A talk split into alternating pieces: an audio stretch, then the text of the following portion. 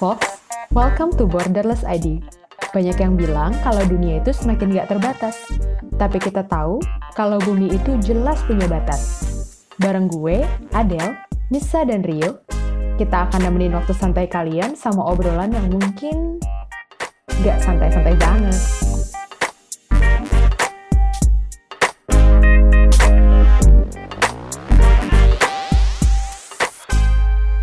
Selamat bergabung di Borderless ID.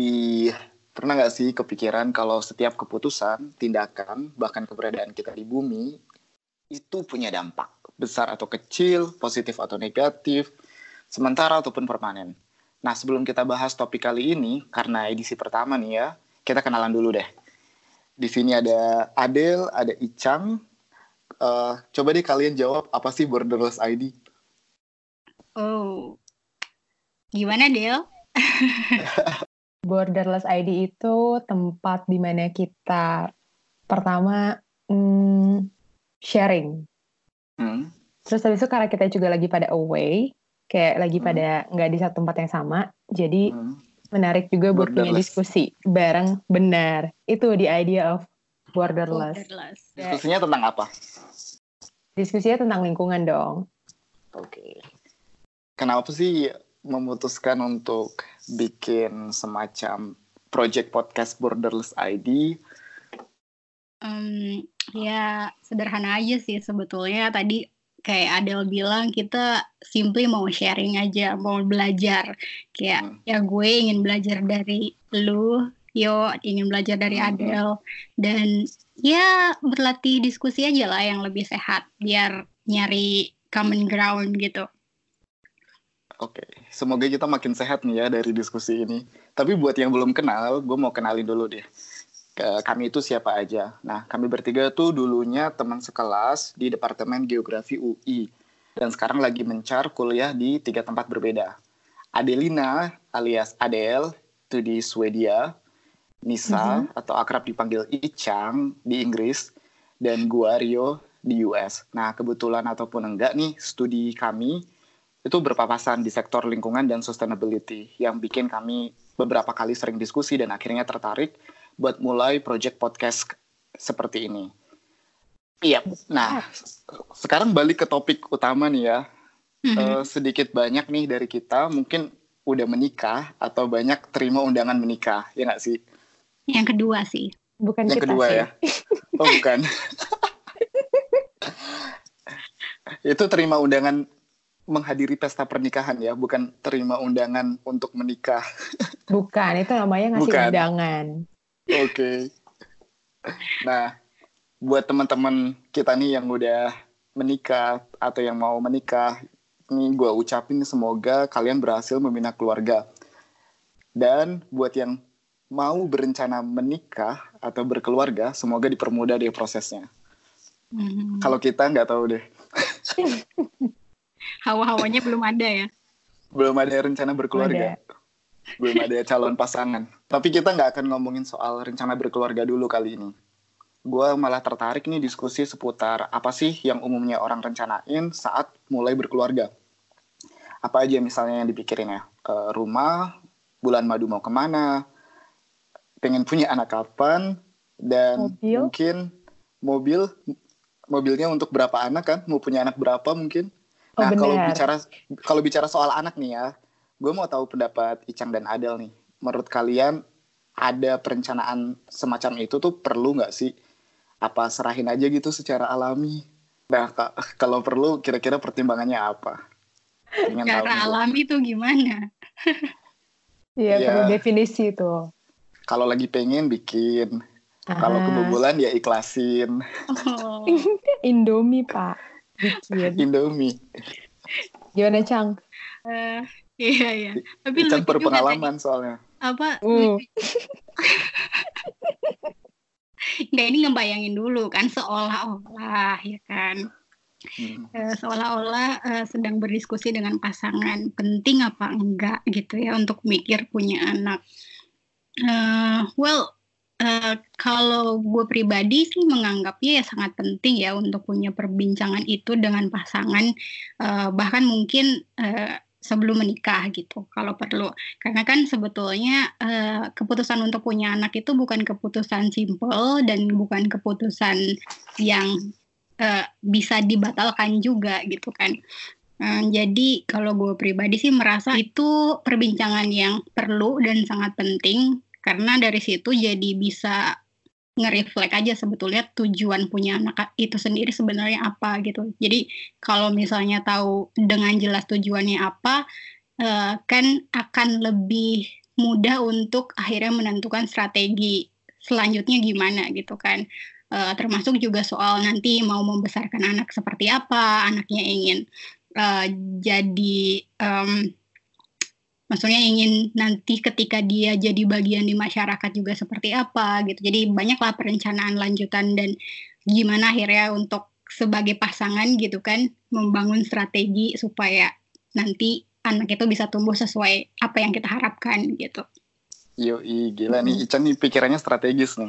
kalau lo pakai strategi nggak nih, nih Del? Um, kalau menurut gue sih simple aja.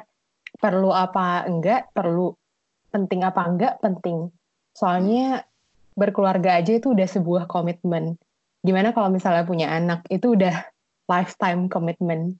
Artinya hmm. mulai dari persiapan punya anaknya, terus habis itu tahap-tahap di mana berjuang buat punya anak sampai hmm. ke titik di mana anaknya udah ada nih. Nah itu tuh semua kayak um, butuh komitmen yang lebih buat memastikan bahwa ada standar kehidupan yang bisa dipenuhi dan standar kehidupan tersebut memadai. Jadi itu sih kenapa penting. Nah bicara penting hmm. atau enggaknya dan itu penting ya karena ternyata nggak cuma mungkin pasangan itu sendiri yang ngatur, ternyata negara juga ngatur kan. Hmm. Berapa jumlah anak yang suatu negara pengenin atau yang mereka himbau ke rakyatnya gitu. Benar. Tahun 94 itu John Bonkers dari Population Council itu bahkan uh, memperkirakan gitu tahun 90-85 persen populasi di negara-negara yang sedang berkembang di dunia itu punya pemerintahan yang secara eksklusif mengatur berapa ukuran keluarga yang seharusnya dimiliki oleh rakyatnya. Mm-hmm. Mungkin alasannya karena misalnya sumber daya gitu, sumber dayanya terbatas. Contohnya air. Kalau misalnya semakin banyak populasinya, maka kebutuhan terhadap air semakin meningkat untuk minum atau bahkan untuk pertanian sehingga memang harus diatur gitu kan. Nah tapi kalau misalnya ngelihat dari sisi keluarga gitu, uh, menurut kalian perlu nggak uh, misalnya kalau tanpa rencana mengontrol fertilitas itu bagus atau enggak? Terus kalau large family atau keluarga yang anaknya banyak gitu emang salahnya ada di mana gitu? Emang salah? Menurut kalian pendapat kalian gimana? Oke, okay. um, kalau gue pribadi sih merasa pertanyaan pertama dulu ya tentang hmm. um, kenapa akhirnya harus dikontrol gitu. Kalau tadi uh, apa linking to data yang udah disebut tadi yuk, sebetulnya kalau menurut gue pribadi kebijakan untuk mengontrol populasi itu sesuatu yang uh, diperlukan um, karena menurut gue sih itu ada kaitannya dengan eksternalitis ketika orang memutuskan untuk punya anak gitu dalam uh, sebuah rumah tangga gitu ya. Uh, ketika misalnya satu rumah tangga memutuskan untuk punya anak tiga atau empat atau lima gitu, itu kan akan iya sepuluh. Kurang tambah satu lagi udah jadi kesebelasan. Iya jadi kalau kakek gue punya tiga belas. Wow, baik. Ada cadangan dua ya? Iya, tapi nggak semuanya hidup. Jadi zaman dulu mungkin uh, ke, apa kematian bayinya juga tinggi kali ya. Jadi uh, nenek gue kayak punya anak banyak, tapi beberapa juga banyak yang meninggal juga. Betul, betul. Benar. Iya, uh, oke okay, gue lanjut ya. Jadi kalau menurut gue sih uh, wajar dan memang diperlukan ketika government gitu uh, involve di usaha untuk mengontrol populasi. Karena yang tadi pertama gue sebut bahwa kita nggak pernah tahu eksternalitasnya gimana ketika su uh, suatu household gitu memutuskan untuk punya anak satu atau dua atau tiga uh, secara tidak langsung itu dia uh, memberikan apa ya image tertentu yang akhirnya itu kalau di copy di dalam masyarakat hmm, jadi satu apa ya mungkin bisa diterima sebagai norm gitu. Jadi kayak hmm. embedded preferences gitu loh. Yang akhirnya bisa jadi itu jadi sesuatu yang common dan ketika di masa depan gitu uh, ada keluarga lain yang ingin punya anak dia akan refer ke situ gitu. Jadi kita nggak pernah tahu eksternalitasnya sejauh apa dengan gap uh, secara geografis dan temporal. Jadi wajar kalau misalnya government pengen prevent itu gitu. Jangan sampai populasinya tidak terkendali. Terus kedua kalau menurut gue tadi agak uh, apa um, nyambung ke poin lo juga ada limit kan, ada keterbatasan gitu uh, di tingkat individu atau di tingkat yang lebih besar lah scale-nya. Taruh misalnya kayak negara ya kita punya resource yang terbatas, secara individu juga punya resource yang terbatas. Jadi wajar kalau misalnya kita mempertimbangkan um, limitasi itu untuk ya tadi kalau Adel bilang Adel kan sebagai orang tua nanti concern dong terhadap uh, standar hidup anaknya gitu. Jadi ya sebagai negara juga negara concern sama standar hidup populasinya. Jadi wajar kalau dikontrol ketiga sih kalau menurut gue juga urusan masalah hak reproduksi aja sih. Karena kan perempuan ada baiknya hamil dan uh, ya merencanakan berapa anak yang dia lahirkan demi kesehatan ibu gitu. Jadi hmm. menurut gue tiga poin itu at least menjustify kenapa akhirnya government perlu kontrol populasi. Ada okay. nggak usah jawab kali ya. Udah udah udah cukup tuh. Tapi pertanyaan kedua belum terjawab. Mungkin ada bisa jawab. Oke, okay, jadi ngomongin tentang apa sih masalah dari large family? Pertama balik dulu, sebenarnya pemerintah sendiri punya peraturan pemerintah yang bilang bahwa tujuan um, keluarga berencana adalah menyediakan menyediakan memberi memastikan bahwa setiap keluarga punya kualitas yang baik dan memadai. Hmm. Nah, um, laju kelahiran di dunia sendiri ini tuh ada 360 ribu kelahiran per hari. Atau detik berapa? Empat kelahiran per detik. Jadi kalau jadi kalau podcast kita sejam nih ya, ada 15 ribu anak yang lahir gila di dunia ini. Nah permasalahannya adalah ada keluarga-keluarga yang jumlah family size-nya besar, tapi mereka dipimpin oleh seorang wanita sebagai single parent. Artinya wanita ini harus merangkap sebagai kepala keluarga yang menjaga anaknya dan juga membiayai segala kebutuhan yang ada. Nah ini jadi jadi sebuah ketimpangan. Um, hmm. Masalahnya adalah ketika resource yang dihasilkan, resource ini yang gue maksud adalah money ya, hmm. um, untuk memenuhi kebutuhan anak-anak tersebut. Ketika resource yang dihasilkan oleh wanita ini cuma sedikit, tapi anaknya banyak, akhirnya mereka kesulitan untuk memenuhi atau mencapai standar hidup tersebut. Hmm. Jadi di sini kayak ada permasalahan loh di balik large family ini. Tapi nggak cukup itu doang. Bukan cuma tentang um, kualitas hidup, tapi kita udah saatnya sadar kalau hmm. kita as individu human ternyata kita punya kontribusi besar terhadap apa yang terjadi di lingkungan kita. Nah, mungkin ini juga ngelit ke perbincangan kita yang berikutnya tentang gimana sih hubungan populasi dan uh, lingkungan ini gitu ya. Hmm. Iya, hmm. benar-benar benar. Tapi kita simpen dulu kali ya, karena kita nanti narasinya ke, ke ranah sana. Cuma gue tadi tertarik tuh, kan banyak perempuan yang single parents misalnya. Atau hmm. bahkan nggak perempuan single parents deh, atau uh, keluarga yang dia resource-nya terbatas. Tapi memang ada tren nih angka fertilitas di Indonesia itu menurun. Dulu tahun 95 itu rata-rata setiap wanita itu ngelahirin 5,49 bayi. Oke. Okay. Gimana tuh? 5,49. Sekitar 5 sampai 6 lah bayi per, per, per, per perempuan. Terus tahun 2009 ini tuh menjadi uh, fertility uh, fertility rate-nya jadi 2,42. Jadi sekitar 3 lah ya per wanita. Tapi diprediksi nih tahun 2050 itu kurang dari 2. Mm-hmm. Berarti bayangin nanti keluarga mungkin cuma punya satu anak atau satu setengah gimana gitu. Satu setengah. Iya. Setengah gimana? Jadi nanti kalau udah remaja dibuang. Di diskon. Um, aduh. Tapi menurut gue atau kayak barengan sama tetangga. oh ini ya apa ada sharing konsep sharing gitu ya? Iya. Collective child. Tapi tergantung btw. Uh, hmm. Kayak itu kan secara average ya bisa jadi hmm. kayak ada keluarga-keluarga yang emang tetap large family, ada keluarga nah, yang justru bener. kecil banget. Jadi kayak distribusinya nah. beda gitu loh. Nah, itu itu ya nah gua gua tertarik tuh pengen tanya uh, kenapa sih bahkan sekarang pun gua rasa masih ada nih orang yang masih punya large family 6 sampai 13 mungkin. Pasti ada tuh ceritanya kayak gitu. Atau kenapa dulu orang-orang prefer punya anak lebih banyak daripada sekarang gitu Apakah karena mereka nggak bisa kontrol fertilitas atau memang itu pilihan mereka? Nah, kalau pilihan itu pilihan siapa sebenarnya? Terus alasannya apa? Kenapa pilih pilihan tersebut? Menurut kalian apa nih yang bisa di-unpack dari dari apa pertanyaan-pertanyaan seperti ini? Um, ya, gue uh, karena belum punya anak juga ya gitu. Uh, cuman pernah uh, come across gitulah satu paper. Kalau nggak salah hmm. sih yang nulis namanya Das Gupta atau apa gitu ya. Gue kurang uh, hafal nama lengkapnya. Uh, tapi dia sempat mention gitu di di papernya kalau basically orang tuh kalau memutuskan akhirnya untuk punya anak gitu uh, ada dua faktor utama yang akhirnya involve gitu. Pertama soal supply side-nya atau ya kita gampanginnya cost-nya lah gitu. Yang hmm. kedua adalah demand side-nya.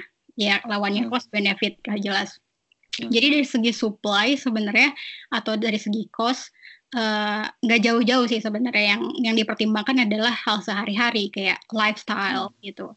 Terus earnings uh, jelas lah ya tadi juga dimention kalau ya pengen maintain um, kualitas. Jadi ya make sure kalau income-nya mungkin cukup memadai gitu untuk maintain kualitas secara uh, keluarga as a whole gitu. Terus ketiga ya trade off lah ya mungkin biasa quality quantity gitu. Mau punya yang punya anak dua bagus semua atau punya anak lima misalnya kadang bagus kadang enggak kadang bagus kadang enggak gitu ya kayak panen tapi tapi itu rasional loh Chan lo kalau misalnya lo kan nggak nggak tahu sih anak yang dilahirin kualitasnya bakal gimana IQ-nya hmm. lah, terus habis itu skill-nya yeah. atau fisiknya dan lain-lain. Nah, kalau hmm. lo semakin punya banyak anak, memperbesar probability di antara yeah. anak itu ada yang bagus, ada yang bibit uh -uh. unggul, dan ada yang berhasil ya nggak sih? Lempar dadu dulu gitu. tuh kayaknya. Lempar dadu. cap cip cup oke okay, gue lanjut. cuy. tadi dari supply ya. Dari supply itu oh. yang mereka pertimbangkan. Tapi ada juga dari segi demand. Jadi sebenarnya kalau tadi lo bilang yo rate-nya hmm. masih uh, uh, apa ya ya turun oke okay lah gitu. Tapi nggak dalam batas yang sangat ekstrim gitu kalau menurut gue karena memang dari demand uh, side-nya gitu dari segi benefit orang masih masih merasakan itu gitu.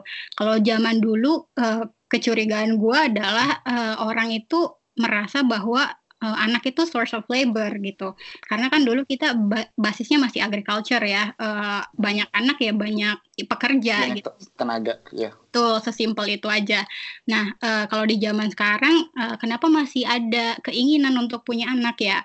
Karena anak tuh insurance juga sih. Orang ketika masa tua gitu kan uh, pasti kita ya ini ngebayangin aja gitu ya. Kan nggak mau kesepian gitu. Ingin punya seseorang yang akhirnya bisa ya menunjukkan kasih sayangnya gitu. Kalau bukan family ya siapa lagi gitu. Uh, atau di sisi lain orang kadang juga ya simply karena alasan culture sih ya. Harus menurunkan marga mungkin atau um, ada warisan tahta. Kan nggak tahu ya kalau gue bukan dari kerajaan berat banget tapi masih Bayu udah punya kewajiban buat iya. meneruskan tahta. Hmm. Ya tapi at least dua itulah gitu saling competing sampai akhirnya orang yeah. oke okay, kita punya anak apa enggak gitu. Hmm. Lanjut kali ya. Tadi kan udah dibahas sama Icang tentang historically-nya kayak gimana. Uh, emang confirm Cang itu emang terjadi juga di Western countries um, bahwa waktu zaman sebelum Industrial Revolution, Revolution. Uh -huh, kan itu kan agriculture banget kan. Nah, mm -hmm emang itu tuh supaya nggak perlu bayar orang buat kerja di lahan pertanian, ya udah anak aja yang diemploy gitu. Tapi lanjut lagi ke um, kenapa sih apa mereka nggak bisa ngontrol fertilitasnya mereka karena apa gitu kan? tadi pertanyaannya Rio. Iya. Iya, uh, ini menurut gue menarik buat ngomongin tentang tingkat edukasi karena ada korelasi uh, antara um, women's equality, lebih spesifiknya ke access to education, sama the number of child yang dibesarkan sama dia. Hmm. Jadi kayak ada loh hubungannya antara edukasi sama berapa banyak anak yang dibesarkan. Nah, tapi yang mau gue emphasize bukan ke educationnya, tapi lebih ke keterbatasan informasi. Jadi menurut gue ada problem nih di keterbatasan informasi ini. Mm-hmm. Karena kan kita negara yang patriarki ya.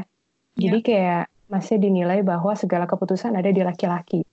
Nah, tapi masalahnya keterbatasan informasi ini berhenti sampai di uh, pelajaran biologi yang bahas tentang gimana alat reproduksi bekerja. Enggak hmm. membahas lebih lanjut ke ranah sosialnya.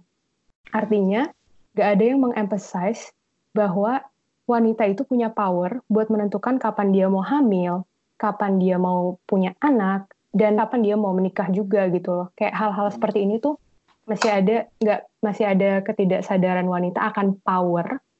Nah, iya. power kata kuncinya sih menurut gue uh, buat buat menentukan apa yang dia mau. Bahkan um, hal ini yang jadi yang jadi masalah justru menurut gue karena nggak ada keterbatasan informasi tentang uh, hal-hal yang sifatnya seksualitas, akhirnya wanita juga jadi bingung buat controlling uh, their own fertility gitu loh. Yeah. Jadi ini sebuah permasalahan yang emang ada banget deh di negara kita. Sex education juga nggak ada gitu kan. Nah terus ada lagi masalah tentang lack of access ke contraception, alat-alat hmm. kontrasepsi. Kayak misalnya um, di Indonesia deh, kita ngebayangin ada anak let's say masih muda nih, hmm, dia datang ke sebuah supermarket, menurut lo dia galau nggak? Aduh gue beli nggak ya? Beli apa nih? Alat kontrasepsi maksud gue. Oh. Dia dia sama udah nikah belum nih? Oh, nah kan tapi kalau masih di bawah umur, kalau masih kayak belia gitu, nikah nah. muda ya, nikah muda ya. Nah kan kan lo bisa alasan ya, oh gue nikah muda atau gimana. Tapi ini jadi sebuah, menurut gue um, tabu. Ada kontemplasi diri kali ya buat datang ke mbak-mbak kasir terus mbak-mbak saya mau beli itu tuh gitu terus kayak akhirnya mereka jadi feeling pressure terus jadi mereka ujung-ujungnya malah nggak punya keberanian buat beli jadi ada lack of access nah ini ada contoh juga sih di Europe ya kalau misalnya di Belanda bahkan ada kayak vending machine vending machine yang isinya alat kontrasepsi. Jadi bisa diakses di beberapa spot dan itu kayak hmm. lo nggak perlu ke kasir dan beli yang kayak gitu. Terus kayak di Sweden ada kayak project yang juga uh, mengedukasi bahwa hmm. perlu loh ada alat kontrasepsi ini. Dan ya itulah alat kontrasepsinya juga dipermudah aksesnya. Jadi menurut gue seksualitas ini kan sewajarnya hal yang jadi keputusan pribadi ya. Tapi karena kesadarannya itu belum muncul, belum terbangun lah ya. Nah, jadinya susah gitu loh control their own um, hasrat dan juga konsekuensinya. Oke, okay, itu okay. sih. Bener juga sih menurut gue kesadaran salah satu faktor kunci ya. Karena meskipun lo misalnya pemerintah bangun klinik banyak gitu di suatu daerah, terus masyarakatnya nggak sadar atau masyarakatnya memang cultural preference-nya beda, itu gue rasa angka fertilitasnya nggak akan turun. Dan itu ada researchnya tuh kalau nggak salah soal uh, keluarga berencana di Indonesia perbandingan antara jumlah klinik dengan penurunan angka fertilitas ternyata nggak ada hubungannya. Terus yang tadi Adele bilang soal apa sih namanya vending machine atau itu gue gue uh, kemarin ya kemarin siang gue jalan-jalan tuh di pinggiran uh, pasar di Nepal. Terus gue ngeliat ada warung warung kontrasepsi gitulah bahasanya. Dan itu gede banget dan dan gue jadi penasaran kan. Dan beberapa kali gue punya kesempatan nanya sama warga lokal dan ternyata kesadaran orang di sini itu cukup tinggi gitu satu keluarga mungkin cuma punya dua anak mayoritas hmm. kalau nggak semuanya gitu dan mereka sadar kalau itu soal kualitas anak mereka karena kalau punya anak banyak ya mereka rasa ekonomi mereka belum mampu gitu untuk secara adil menyokong kualitas semua anak-anaknya. Mm-hmm. Dan di tempat yang gue tinggalin ini ya, itu gila deh. Uh, jadi misalnya petani yang rumahnya seperti apa, tapi, tapi dia pakainya iPhone. Pas gue tanya, Iya, jadi anaknya tuh kalau nggak kerja, kuliah di luar negeri, terus mereka ngirimin remittance, makanya banyak brain drain. Hmm. Menarik, menarik. Tapi itu sekedar cerita mungkin uh, next time gue bisa ceritain yang lain. Nah tapi balik lagi nih soal ini, terlepas dari apa sebabnya orang pengen punya anak banyak gitu, apakah untuk instrumen finansial atau misalnya karena untuk kualitas atau karena nggak ada kesadaran tapi umumnya siapa sih yang diuntungkan kalau misalnya anaknya lebih sedikit? Apa orang tuanya kah karena jadi nggak kecapean dan nggak keluar banyak banyak duit gitu kan karena banyak anak? Atau atau anak itu sendiri gitu karena misalnya bakal dapat perhatian dalam hal moral atau material gitu yang lebih banyak. Gue jadi inget sinetron ya sih biasanya anak-anak single yang apa uh, anak tunggal di keluarga kaya itu biasanya malah gak dapat perhatian. Tapi itu bukan mayoritas ya. Lu kebanyakan nonton sinetron sih, Gila. Atau atau masyarakat yang diuntungin, atau pemerintah, atau bahkan bumi itu sendiri gitu yang diuntungin. Nah, gue mau uh, tahu nih perspektif uh, pendapat kalian. Kalau tadi lo sebut atau atau atau itu sebetulnya dari semua atau atau yang lo sebut ya yuk bisa dijawab yes yes yes semua sih. Betul bahwa itu akan ngasih benefit ke keluarga, uh, benefit ke ibu gimana? Jelas pasti ada, ke society iya gitu, ke lingkungan jelas juga pasti ada. Um, pertama satu-satu mungkin kita dari uh, keluarga, uh, jelas bahwa keluarga akan punya benefit. Reflect lagi ke yang masalah sebelumnya. Kita udah berkali-kali bilang bahwa ya as a as a household gitu pasti punya limitation uh, resource-nya terbatas jadi pasti kalau misalnya dialokasikan pada jumlah anak yang lebih sedikit asumsinya setiap anak akan punya resource yang lebih decent gitu. Kedua masalah ibu. Sebetulnya menurut gue ini yang paling menarik sih. Uh, gue mau linking ke apa yang Adel udah jelasin juga sih bahwa uh, resource yang terbatas dialokasikan kepada anak uh, biasanya itu competingnya bukan antar anak, tapi sebenarnya competingnya resource antara anak dan ibu. Karena di society kita yang tadi Adel juga sempat mention bahwa masih cenderung patriarki gitu ya uh, tanggung jawab pengurusan anak ini kan seringnya jatuhnya ke ibu gitu ya. Jadi dari segi waktu dari segi resource dari segi tenaga itu yang banyak dibutuhkan um, akhirnya adalah tenaga ibu resource-nya ibu uh, pemikirannya ibu gitu. Sementara dalam market kita itu semua domestic works itu nggak ada value-nya yang sebenarnya salah, yang itu sebenarnya bentuk market failures gitu kan. Bahwa sebenarnya domestic works itu harusnya ada harganya, bahkan mungkin lebih valuable karena ya lu invest buat anak lu gitu kan. Jadi menurut gue Maksudnya gimana, Cang? Digaji? Not exactly digaji. Siapa yang gaji? Iya, tapi gini, maksudnya gini, uh, kayak kalau uh, wanita bekerja saat dia harus leave gitu uh, untuk misalnya melahirkan, cuti, apa segala macam, ya harusnya tetap digaji gitu. Hmm. Itu dalam konteks uh, dia misalnya uh, bekerja ya, atau dalam konteks sebenarnya dia sebagai uh, apa stay at home mom gitu. Uh, domestic works ini ya harus ada value-nya in a way kayak itu kan sebenarnya dia ada opportunity cost-nya dong. Maksudnya hmm. jam dia yang dia pakai untuk mengurus anak ketika dia sebenarnya menggunakan itu untuk bekerja kan sebenarnya ada value-nya kan. Nah, hmm. itu yang harus sebenarnya di-capture sama para cowok-cowok ini gitu, para suami-suami ini bahwa sebenarnya yang mereka iya. lakukan itu nggak gratis loh gitu.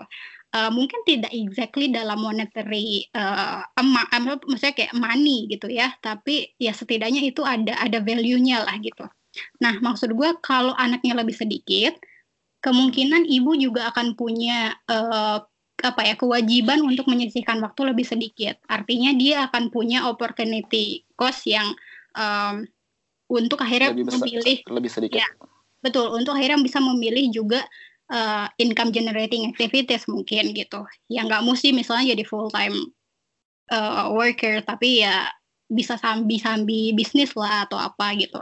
Nah, Kenapa itu penting buat ibu? Karena kalau ibu nggak punya income atau istri nggak punya income, bargain dia di dalam keluarga tuh lemah gitu. Jadi sebenarnya itu yang pengen diadres ya bukan soal kayak harus punya income tapi gimana caranya dia punya bargain terhadap suaminya terhadap partnernya jadi di dalam family itu mereka equal gitu kalau menurut gue itu at least ya buat mom terus buat society ya jelas lah kalau kualitas anaknya bagus gitu kan. Misalnya anaknya berprestasi yang bangga siapa ya? Ya masyarakat juga gitu. Kalau misalnya diambil ekstrim kalau anaknya nggak diurus dengan baik karena kebanyakan anaknya terus anaknya salah satu jadi kriminal kan bahaya. Jadi sebenarnya society jelas punya benefit ketika jumlah anak sedikit dan kualitas anak bisa di-maintain gitu. Tapi itu jadi burden gak sih buat si anak? Kayak dia ngerasa misalnya uh, anak tunggal terus Betul. semua beban ekspektasi ditimpain ke dia. Dan gue pengen anak gue jadi dokter jadi lawyer jadi uh, engineer sedangkan dia misalnya pengen jadi musician atau pengen jadi artis. Uh, well that's another discussion sih sebetulnya. Ya benar sih benar-benar gimana society akhirnya nge-frame bahwa profesi-profesi tertentu akhirnya lebih valuable di dalam di dalam sistem kita ini kan gitu itu hmm. sebenarnya ya itu bias terhadap knowledge tertentu sebenarnya bukan knowledge sih skilled worker sih itu juga bentuk hmm. market failure sih sebenarnya cuman iya, itu bah ya bahasan lain lah ya um, tapi intinya kualitas anaknya terjamin gitulah ya makan enak uh, diajak main ke tempat-tempat yang yang Betul. cukup gitu kan karena ya. ada risetnya yo ada risetnya hmm. kalau parents dengan fewer children gitu dan akan punya lebih banyak waktu biasanya akan uh, setidaknya memperbesar kualitas parenting. Nah, kualitas parenting ini loh yang yang missing gitu kan biasanya kalau um, apa uh, orang tuanya akan punya uh, orang tuanya punya banyak anak gitu. Kekhawatirannya kan ke situ gitu. Uh, tapi gue missing satu poin sih tadi dari pertanyaan lo ke lingkungan. Uh, hmm. tapi itu kan panjang nanti kita bisa diskusi lebih lebih banyak ya. Cuman intinya gini deh dalam salah satu apa riset yang kayaknya kita juga uh, Pak tahu lah gitu kurang lebih secara umum.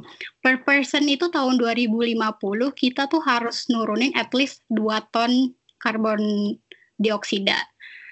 Uh, dan iya, ya sorry tadi gue bilang 2 ton per kepala ya harus nurunin sampai bukan nurunin 2 ton tapi sampai 2 ton CO2 gitu.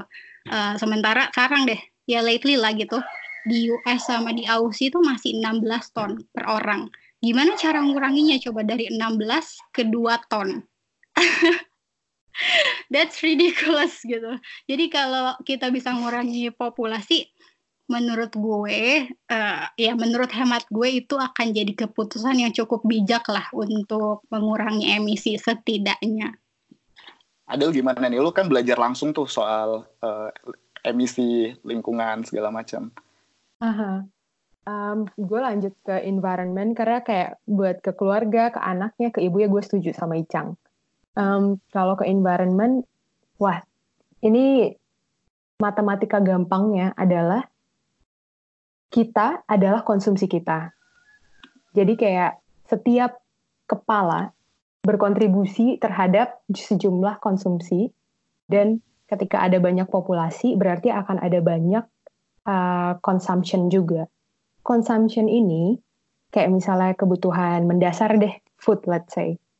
Ketika kita kita bikin uh, makanan nih ya dari pertanian, dari processing, semuanya butuh energi, semuanya butuh air. Ini semua adalah hal hal-hal yang justru berkontribusi terhadap lingkungan kita.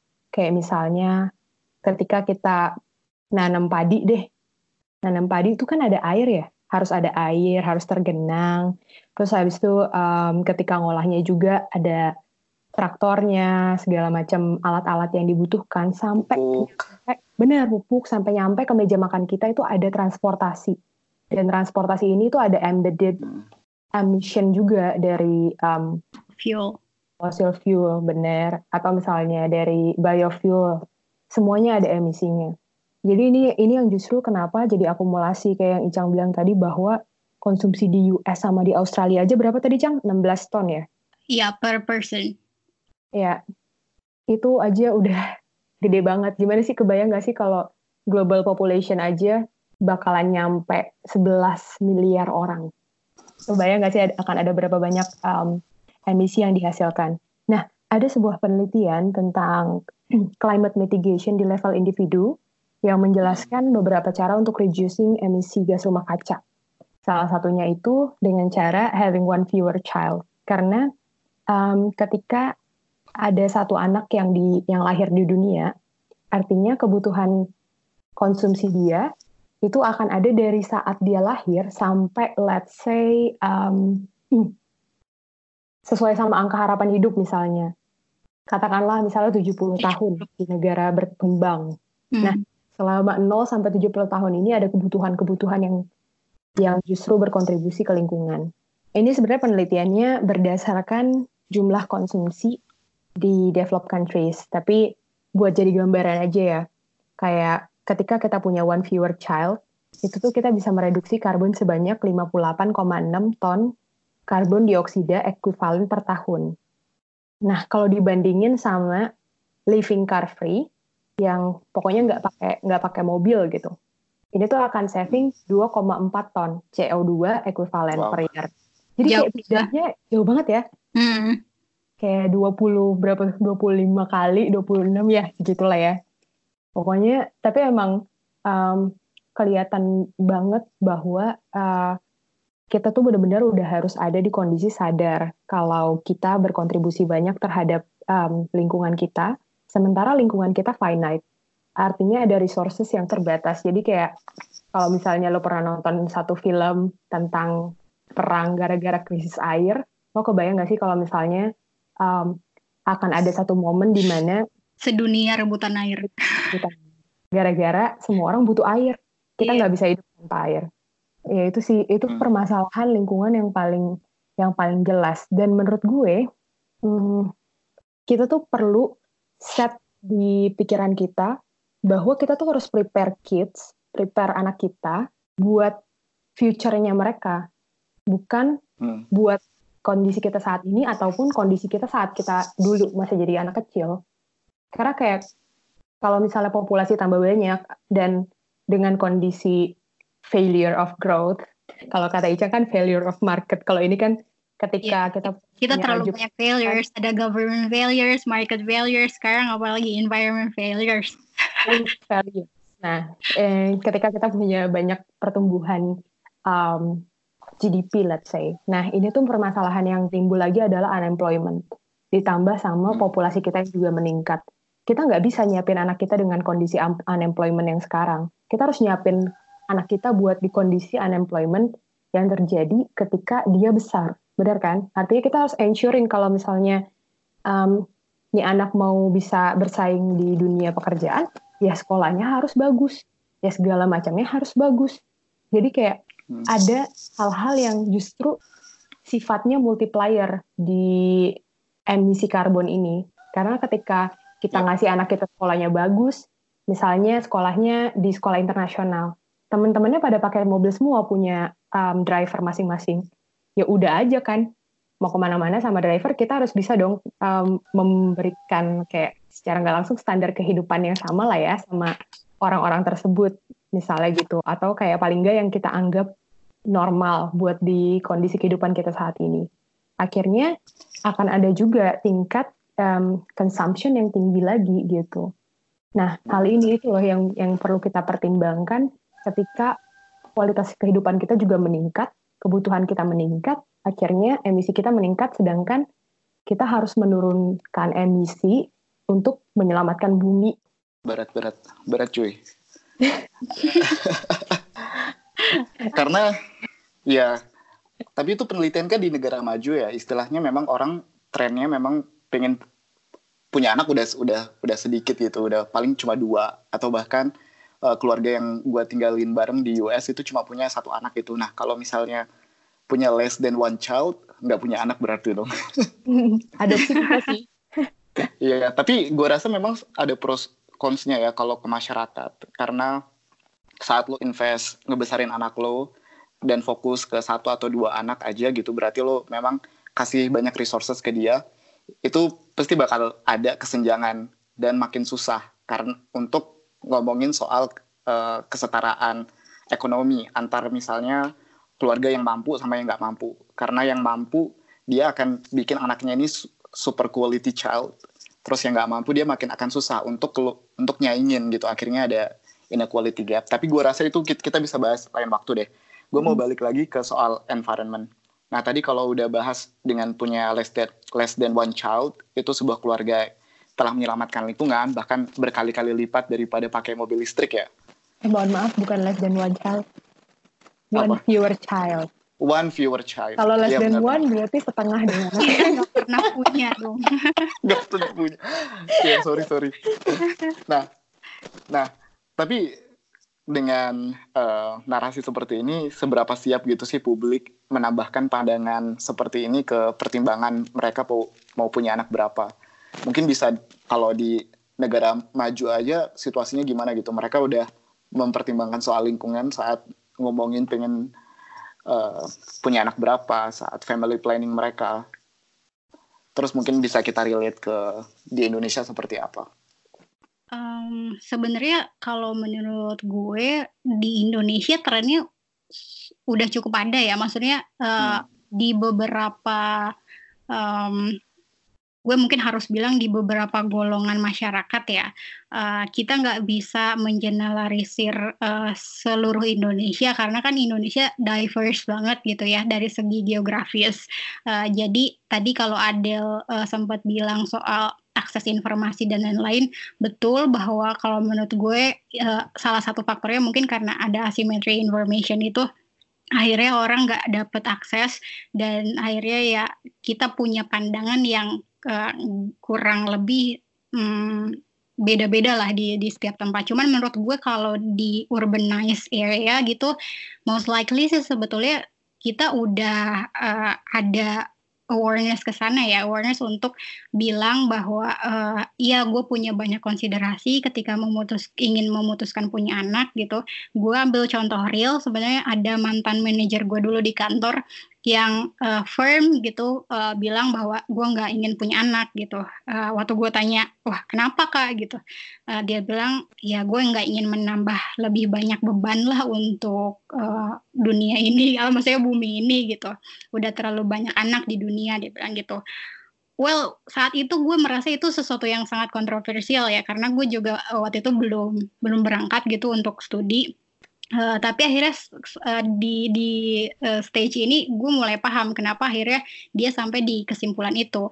Uh, dan kalau tadi uh, lu juga sempat mention ya yo ada ya path dependency gitu antara apa negara negara-negara di dunia menurut gue.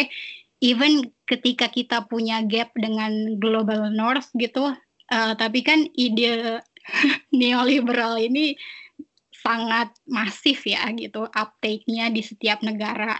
Dan ya kita nggak nggak apa nggak hidup di dunia yang vakum lah gitu. Jadi ada interaksi dan lain-lain. Jadi menurut gue ide-ide naratif-naratif besar yang dijual oleh negara-negara maju kayak modernity dan lain-lain pasti tetap di bukan pasti ya most likely sih akan di embrace gitu uh, sama lebih banyak negara di dunia termasuk di global south termasuk di negara kita. Jadi menurut gue sih trennya ya negara-negara ini uh, misalnya termasuk negara kita keluarga-keluarga modern tuh akan mulai melihat itu sebagai value yang yang modern gitu. Jadi kayak ketika apa ingin membangun keluarga mereka pasti akan mulai memikirkan aspek-aspek kayak gitu gitu. Uh, setidaknya kalau nggak berpikir di impact secara lingkungan mereka akan mikirlah uh, untuk limitasi resource gitu di skill household ya mikir secara cost dan benefitnya gitu.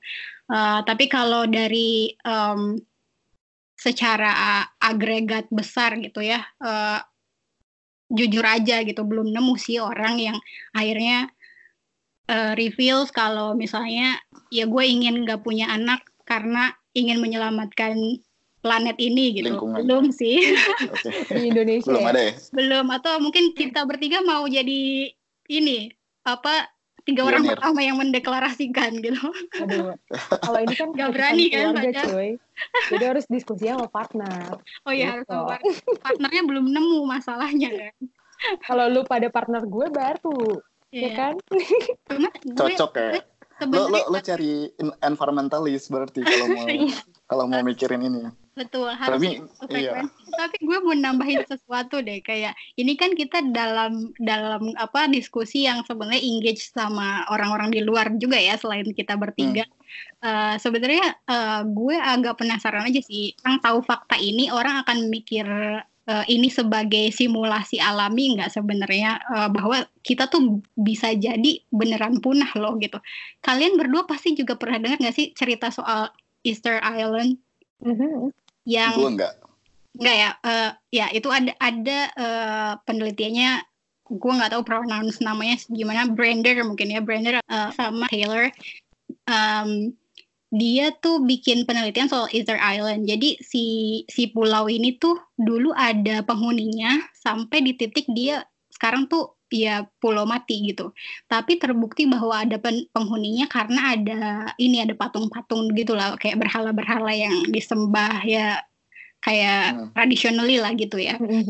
Nah, jadi itu tuh setelah di riset uh, memang orang tuh sempat hidup di daerah itu uh, kemudian resource-nya depleting gitu karena populasi nambah jelas ya kayak populasi nambah resource turun.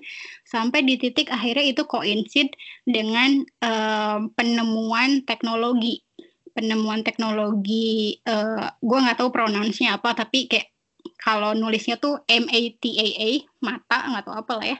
Uh, nah sama jadi penemuan si senjata ini sama adanya bentuk kanibalisme Oh. Nah, tadi kalau ada cerita soal water, gue merasa ini tuh replikanya gitu loh, replik bencana uh, apa ya dalam scale mini gitu.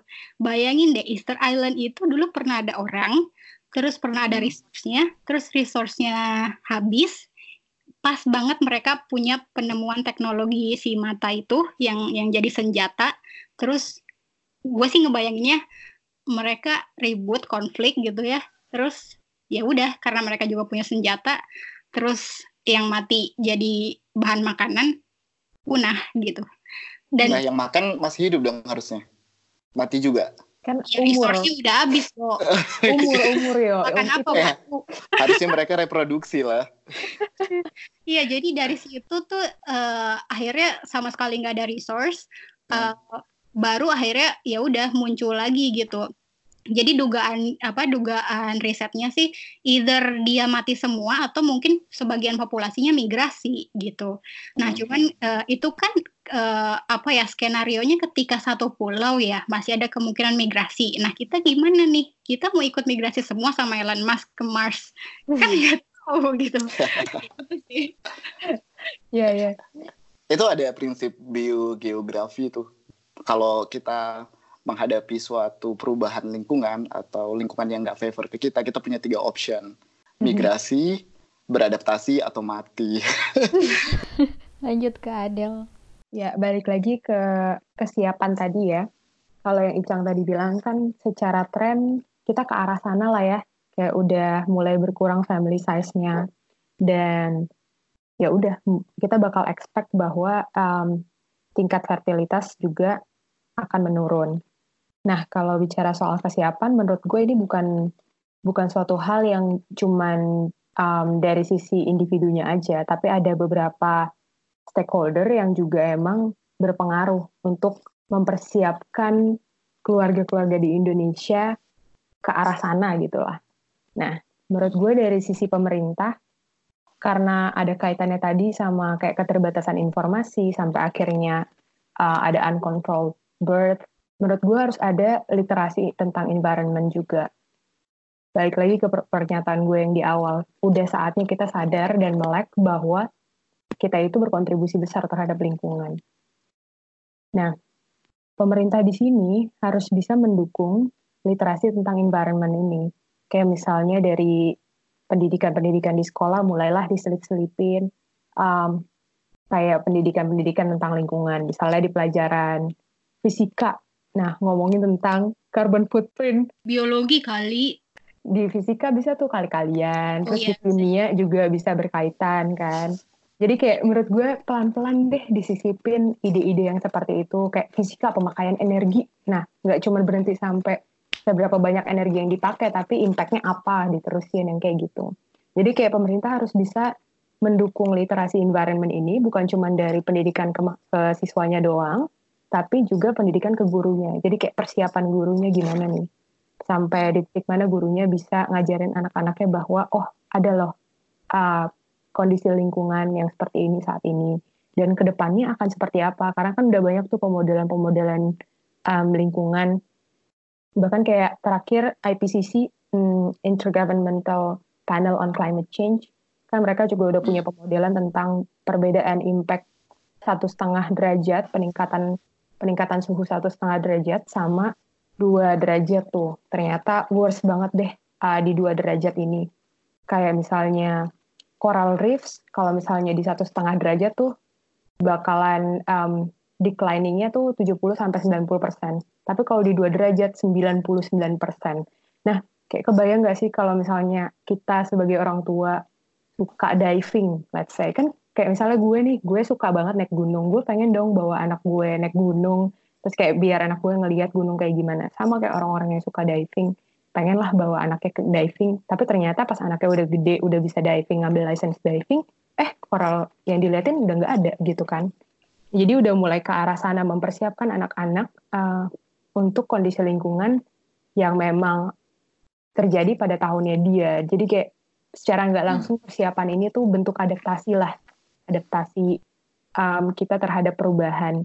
Ini ada kaitannya sama, gue jadi ingat ada news yang baru keluar tentang satu survei yang reveal bahwa um, Indonesia, gue agak-agak miris sih sebenarnya uh, ngomong tentang ngomongin tentang ini. Uh, jadi survei ini membuktikan bahwa ada 18% Indonesian, um, 18% dari populasi Indonesia nggak percaya bahwa uh, human activity yang menyebabkan perubahan iklim. Ada lagi wow. 6% yang percaya bahwa climate nggak berubah. Kayak Jadi climate biasanya direduksi dari tentang hujan, panas. Mm -hmm.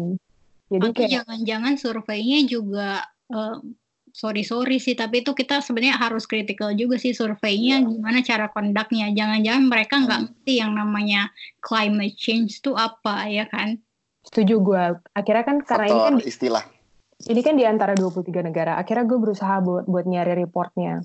Uh, kayak gue soalnya pengen tahu banget gitu loh um, hmm. mereka ngaitin ini sama beberapa hal sih tapi gue nggak pengen bahas tuh karena itu diskusi lain lagi tapi masalahnya adalah um, susah buat nyari report ini.